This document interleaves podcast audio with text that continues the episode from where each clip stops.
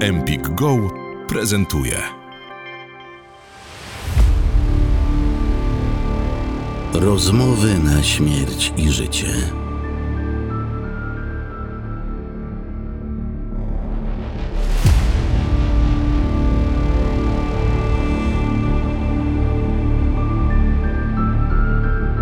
Rozmowy na śmierć i życie we współpracy z Empik Go i wydawnictwem Kompania Mediowa.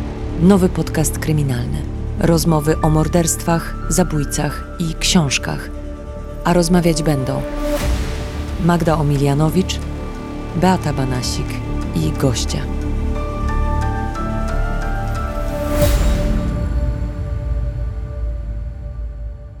Witam wszystkich słuchaczy. Dzisiejszy już czwarty odcinek naszych rozmów na śmierć i życie to po raz kolejny spotkanie z pisarstwem. W drugim odcinku rozmawiałyśmy z Igorem Brejdygantem na temat jego inspiracji i literatury fiction. Mówiłyśmy też już o tym, jak to jest pisać dzieła non-fiction, opierając się na reportażu Magdy Omilianowicz, która jest ze mną w studio. Cześć Magda. Cześć, dzień dobry, witam Państwa. Reportaż Magdy, wydawnictwa Kompania Mediowa pod tytułem Wampir, jak rodzi się zło, e, dotyczący sprawy seryjnego polskiego mordercy Leszka Pękalskiego, do którego na pewno dzisiaj wrócimy. E, a dzisiaj chciałybyśmy też poruszyć wątek wplatania prawdy w nieprawdę. Jest z nami w studio człowiek e, bardzo młody, e, i tutaj sobie schlebiam też, bo wygooglowałam, że jest urodzony w tym samym roku, w którym ja jestem urodzona. Także górą 89. To prawda, tak? 89, to się zgadza? Tak, potwierdzam. Tak, to jest prawda. człowiek, który odnosi wielkie sukcesy w karierze pisarskiej. E, jego książki sprzedają się w setkach tysięcy egzemplarzy, jeśli nie więcej. I w przeciągu ostatnich trzech lat na rynku pojawiły się niezliczone tytuły. Sama robiąc research miałam problem ze zliczeniem wszystkiego, a co nasz gość napisał i wydał. Urodzony w Lublinie, autor thrillerów z cyklu o komisarzu Eryku Deryle, wydawanych przez wydawnictwo Filia. W 2019 roku zapoczątkował serię z duetem Langer-Rembert. Jednocześnie tworzy powieści i opowiadania oparte na autentycznych zbrodniach. Prowadzi również odcinki drugiego i trzeciego sezonu um, programu Opowiem Ci o zbrodni realizowanego dla Crime Investigation Polsat. W lipcu 2020 roku opublikował pierwszą w dorobku powieść obyczajową z wątkiem historycznym pod tytułem Córka nazisty. Nagadałam się z nami w studio nasz gość, Max Czornej.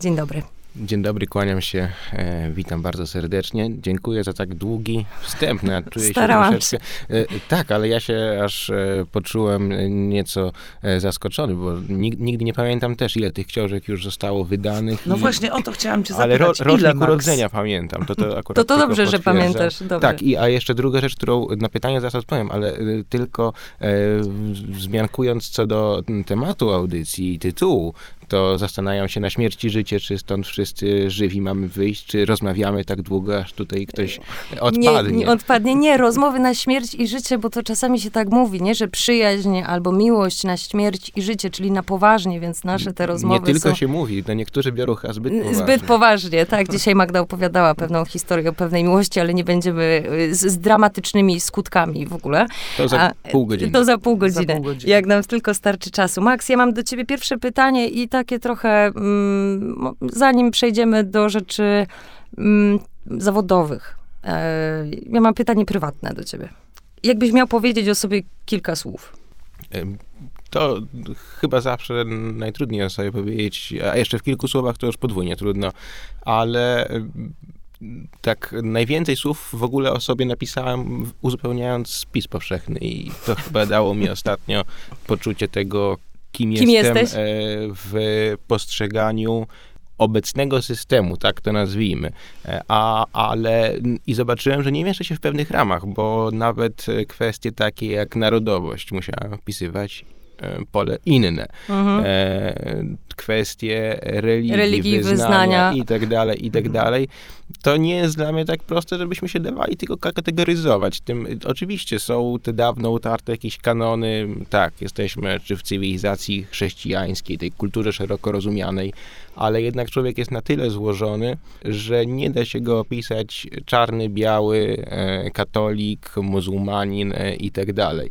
A mm, i te dra- drabinki, z których się wybiera konkretne pola, okazują się często zbyt krótkie, więc e, tak dość okrężnie i więcej niż kilku Mhm. słowach opisując siebie, powiedziałbym, że jednak e, wydaje mi się, że wymykam się tym utartym schematom, e, ale nie wiem, czy to jest e, jakaś wyjątkowa cecha, czy też całe społeczeństwo może, każdy z nas tak się postrzega. Mhm. To jest moje przemyślenie po właśnie e, owym e, W spisie, spisie powszechnym. Max, miałam cię o to nie pytać. Beata mi powiedziała, żebym cię o to nie pytała, bo to się pojawiło parokrotnie, ale cię zapytam. Teraz nie wiem o co chodzi, E, ale dawaj Magda. Y, Na y, okładkach twoich książek często pojawia się, że lubisz stare wina, śmierdzące sery i samochody bez dachu. To we wszystkich Dlaczego? wywiadach się pojawia. No to, to... Dlaczego bez dachu? Takie niepraktyczne w naszych polskich warunkach. A- Ależ one mają dach, tylko że z możliwością Rozkładany. zdjęcia. Tak, Mm. i to, ale jakże pięknie marketingowo to brzmi, prawda? To jest wielkie, e, wielkie wyzwanie i wielki szacunek dla mojego wydawcy, który kiedy ja wchodziłem na rynek, zapoznał się ze mną, zaprosił mnie na kolację, zaprosił mnie na obiad, porozmawialiśmy kilkukrotnie i nagle takie hasło powstało, które mnie właśnie w tych kilku słowach określiło. E, pomyślałam sobie, że rzeczywiście, no coś w tym jest. No, lubią, no nie, nie zaprzeczę, że lubię stare wina, te, te, te, te cuchnące i to bardzo cuchnące rozmaite sery, włącznie z kazumarcu, czyli tym Mhm. serem, w którym e, lęgną się robaki, którego wiele osób e, nie jest w stanie spróbować, a dla mnie to są smaczki wyborne. No i oczywiście ten samochód no bez dachu, a z dachem. To jest e, przyjemność. Ja w ogóle wychodzę z takiego założenia, że życie jest po to, Musi żeby być e, przyjemne. czerpać z niego, żeby e, ono było e, nie do przeżycia. Ono ma być po to, żeby je chłonąć i każda chwila, każdy, każdy dzień, każda sekunda ma być tą nie tyle co intensywną, bo to też nie o to chodzi, ale taką, żebyśmy mogli jak najwięcej mm, zapamiętać i budować swoje wspomnienia każdym e, momentem, żeby to było życie wysmakowane, dobre, e, warte Mhm. wspomnienia. Czy to ma jakiś związek z twoim pobytem we Włoszech? Bo byłeś we Włoszech. Ja do Włoch e, wyjeżdżam kilkukrotnie w ciągu roku. E, Byłem też, pra- pracowałem we Włoszech e, w kancelarii adwokackiej kilka miesięcy, zastanawiając się nad tym, czy tam się nie przeprowadzić. No i co cię skłoniło, że jednak nie? Gdybym opowiadał cały dzień pracy we Włoszech, to to byłaby telenowela włoska, nie am- południowoamerykańska, nie brazylijska, ale włoska. Dość powiedzieć, e, że e, moje pierwsze doświadczenie z rozprawą sądową e, w sądzie dość niskiego szczebla, to Giudice di Pace, czyli sędzia pokoju w Polsce, który ma być wprowadzony teraz, w Aha. Anglii funkcjonujący, E, rozprawy odbywają się na tej zasadzie, że wyznaczone są wszystkie na godzinę dziewiątą. E, poszedłem ze swoim patronem, tak go określmy, na tę, że właśnie godzinę dziewiątą do sądu. Byliśmy oczywiście z kwadrans pono, bo ono już z góry powiedział, że nie ma sensu wcześniej się pojawiać. Przed salą sądową potężna kolejka adwokatów z klientami. No w Polsce też właściwie tak e, to funkcjonuje, więc no nie zdziwiło mnie to bardzo. Ale no, minęło 5 minut, 10 kwadrans. Ja cały czas no, zastanawiając się, co też mnie czeka, ale no, nic nie podpytywałem. Nagle drzwi się otwierają.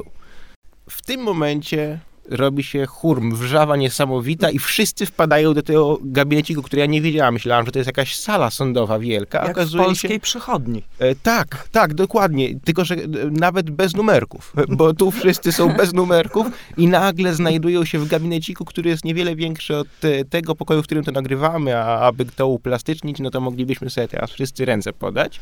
E, i okazuje się, sędzia siedzi za biureczkiem, ma na stole mm, pióro, tam kilka, laptop może, obok jest jeszcze mm, protokolantka i nagle wszyscy adwokaci zaczynają rzucać na jego stół akta. To jest po prostu, pada jedno za drugim te akta, trzepoczą o to biurko.